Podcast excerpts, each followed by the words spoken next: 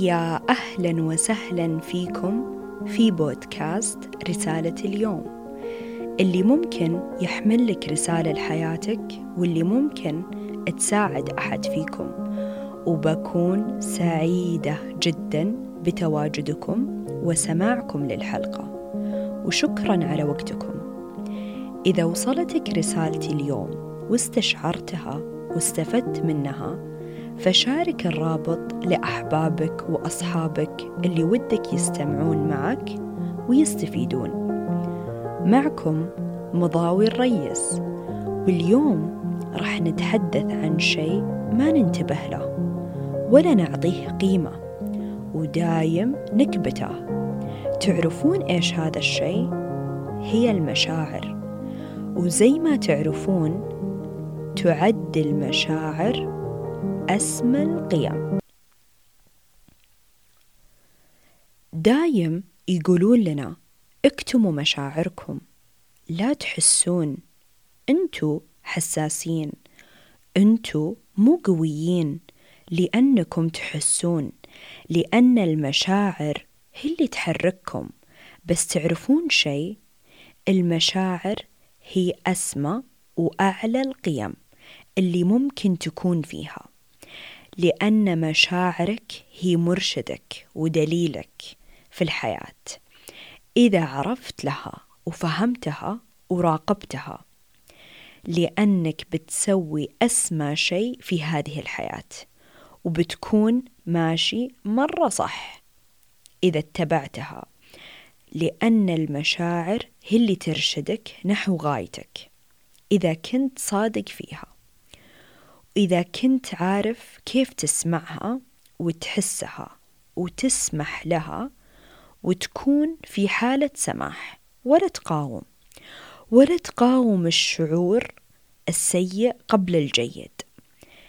لأن السيء هو اللي راح يبنيك هو اللي راح يطورك هو اللي راح يشكلك. والألم جزء من الحياة. وما أقول لكم كذا تشاؤم بس ترى الألم مفيد. تدرون ليش؟ لأنه هو اللي يحركك هو اللي ينبهك أنك توقف أو تستمر. وهذا أسميه الألم الإيجابي هو اللي يعطيك القوة الحالية اللي أنت فيها. وشلون؟ راح أعطيكم أمثلة. إذا انتهت علاقة زواجك اللي كنت فيها لمدة عشر سنوات صح؟ مرة يعور وصح فترة كثيرة من عمرك. بس إذا جلست مع هالألم وتعالجت منه فهنا بتكون شخص قوي جدا وبتقدر تعيش حياة زوجية ثانية فيها حب أعمق وتفهم نفسك أكثر من السابق. وممكن كمان تكون اكتشفت أشياء بنفسك ما تكون تعرفها. فهنا بيكون ما في خسارة لأنه أضاف لك. بس الخسارة الحقيقية في أنك ما تخوض شيء وتكون متفرج في لعبة الحياة. راح أعطيكم مثال ثاني. إذا أنت بديت مشروع وصارت لك عقبات وتوقف هالمشروع هنا راح يجيك أعظم ألم وإحباط. وشعور بالفشل مع أنه ما في شيء اسمه فشل وراح أوضح هذه الفكرة بعد شوي. بس هذا الألم عطى فيك خبرة وطاقة أقوى أنك ترجع وتخوض التجربة لأنه صار عندك خبرة. وزي ما قلت لكم أنت هنا عشان تعيش وتخوض التجارب في لعبة الحياة. وقيس على حياتك من هالأمثلة اللي جت على بالي. وحط ببالك أي شيء صعب أنت تمر فيه وشوفه من هالمنظور. يا ترى قد إيش راح تبدأ تقدر ألمك وتشكر ربي عليه لأنه غيرك وطورك وفتح لك فرص أكبر بس إذا أنت بديت تشوف الجانب الإيجابي منها. وهذه الأمثلة كمان تعطينا نقطة مهمة واللي هي لا تزعل على أي شيء أنت مريت فيه. ولا تقول ليه أنا دايم يحصل لي كذا؟ هو حصل لك لغاية وهدف. بس إذا فهمتها فهنا بتكون وصلت. إي نعم. وصلت لذاتك وصلت لرسالتك وصلت للرحلة اللي أرادها لك ربك. وابدأ قدر هالأشياء السيئة وحبها وحب نفسك وقدرها. ووقف لوم وتأنيب لها لأنك قاعد تفهم هاللعبة اللي هي لعبة الحياة. وتبدأ تتناغم وتلعب معاها. لأن الظروف السيئة هي اللي تشكل شخصيتك. وفي الظروف الجيدة تبدأ تطبق الأشياء اللي تعلمتها في ظروفك السيئة عشان توصل لأعلى نقطة ممكنة في هذه المرحلة. يا الله كيف ممكن يكون أفضل من كذا إذا بدينا نعدل بس نظرتنا للأشياء ونوقف تحلطم وذم؟ وعشان كذا الصبر ومجاهدة النفس من أعظم الأشياء تعرف ليه؟ لأن مين أكبر عدو للإنسان؟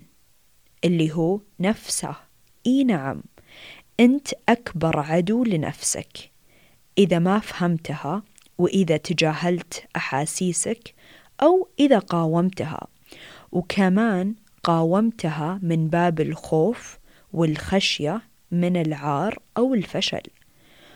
ودقيقة هنا بوقف عند الفشل. تدرون ما في شيء أصلا اسمه فشل. ووضعوه لنا بس عشان يخوفونا ويحدون من قدراتنا.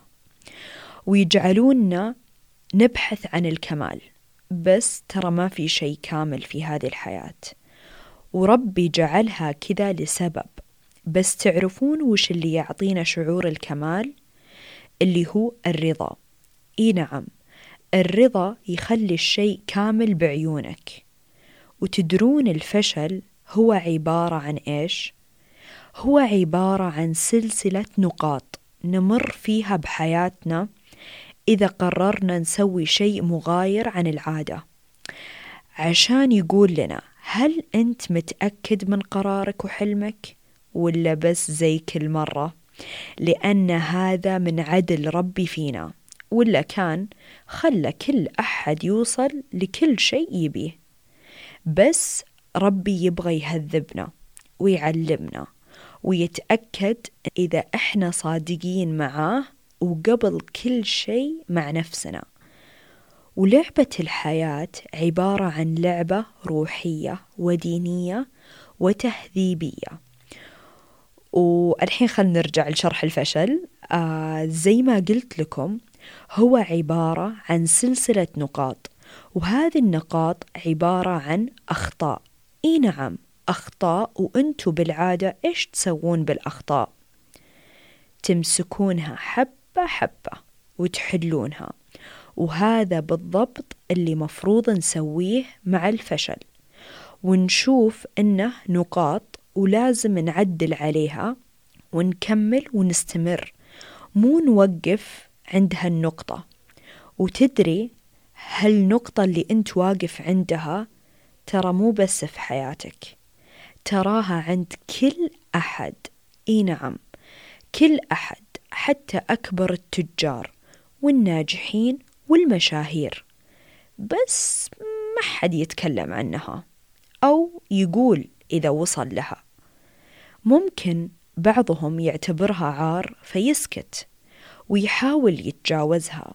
وأنت بس تشوف نجاحه وتشعر أنك الوحيد اللي تمر في نقاط الفشل وتقول يا الله أنا فاشل أنا ما في شيء يضبط معي فعشان كذا حبيت أحكي عنها لأن إحنا كمان معاك يلي تمر بمرحلة صعبة.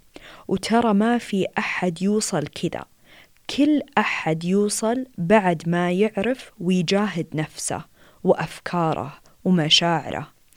وهذه المرحلة حقة الأخطاء ما راح أسميها فشل بسميها مرحلة الأخطاء. وتعتبر أعظم جهاد. تعرفون ليش؟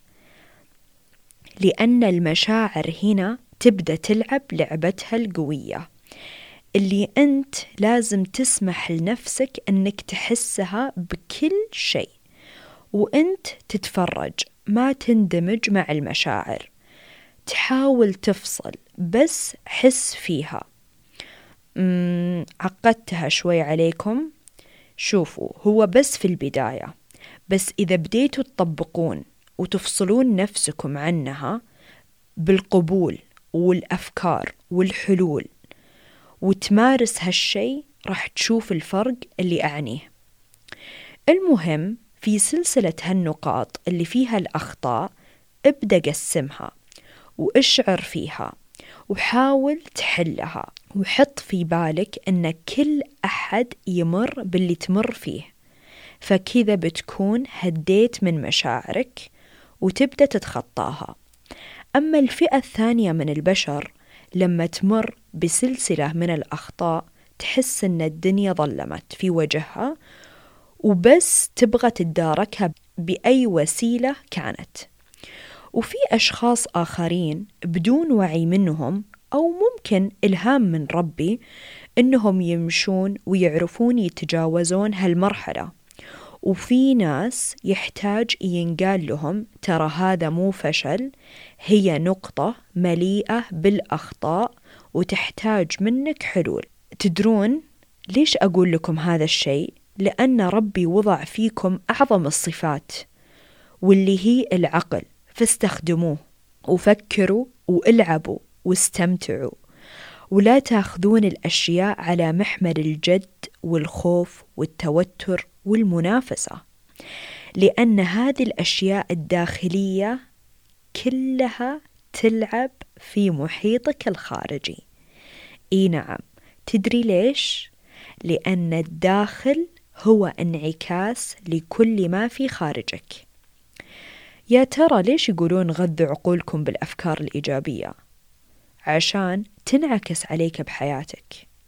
وفي لعبة الحياة بتمر علينا أيام بنكون أقوياء وفي أيام بنكون ضعفاء. بس الأهم أننا نكون متقبلين لهذا الجانبين. لأننا بشر ولأننا غير كاملين وخلقنا ربي كذا لسبب واللي يعلم فيه اللي خلقنا. بس إحنا علينا إننا نعرف إنه موجود هالشي ونعرف نتسامح معه ونكون في حالة قبول وسريان وسماح.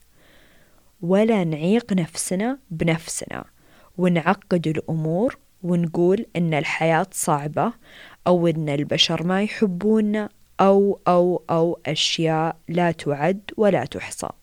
بس إذا رجعتوا لنفسكم وكنتم أنتم المسؤولين عن قراراتكم وعن بهجتكم بتكون الحسبة مختلفة وبتكونون مرة منتبهين ولازم تتعلمون المرونة مع الذات وتتعلمون تستشعرون المشاعر لأن زي ما قلت لكم هي أعظم مرشد ودليل لك وعشان تسمعون لهالمشاعر لا تدخلون نفسكم مع سرعة وعجلة الحياة. لا أبي منكم تكونون هادين وتمارسون التأمل بين حين وحين. تعطون نفسكم وقت أنكم تهدون من عجلة الحياة وتوقفون. إي نعم عادي أنكم توقفون وتاخذون وقت لنفسكم وتفهمون مشاعركم وتتمرنون على هذا الشيء. لأنه بيسهل عليكم أمور مرة كثيرة. وتتعلمون أنكم تستشعرون الأشياء من حولكم وتتعلمون أنكم تكونون في حالة استشعار. لأن هالشي بيغير أمور حياتكم وأولها أنتم كأشخاص راح تتغيرون للأفضل. أبيكم تعرفون شيء أنتم وحياتكم عبارة عن لعبة. فلازم تعرفون تتقنون قوانينها وتفهمونها صح. وأهم شيء هو فهمكم لنفسكم قبل اللي حولكم. وشيلوا وحطوا وبدلوا لين ما تتركب الأشياء اللي تبيها صح. وأرجع وأقول لكم خلي قائدكم مشاعركم لأن المشاعر ربي خلقها فينا لحكمة. وخلونا نستخدم هالحكمة اللي بتساعدنا. وفي شيء ودي إنكم تسوونه وهذا آخر مثال أعطيكم إياه. إذا أنت تبي تنحف مثلا وش المشاعر اللي وراها؟ وإيش الرغبة وكميتها؟ هل هي قوية أو قليلة؟ والمشاعر اللي تصاحبها مشاعر إيجابية كالفخر فهنا راح تكون في حالة سماح وسريان أو مشاعر سلبية كالعار أو الخوف. وهنا بتكون في حالة مقاومة وبطء في تجليها لعالمك. فأنت إنسان حر واعي. فعليك أنك تختار الطريق اللي يسهل حياتك وهذا الطريق اللي هو المشاعر. والمشاعر أسمى القيم. كنت معي مضاوي الريس. في بودكاست رسالة اليوم وأشوفكم في رسالة يوم آخر فمان الله.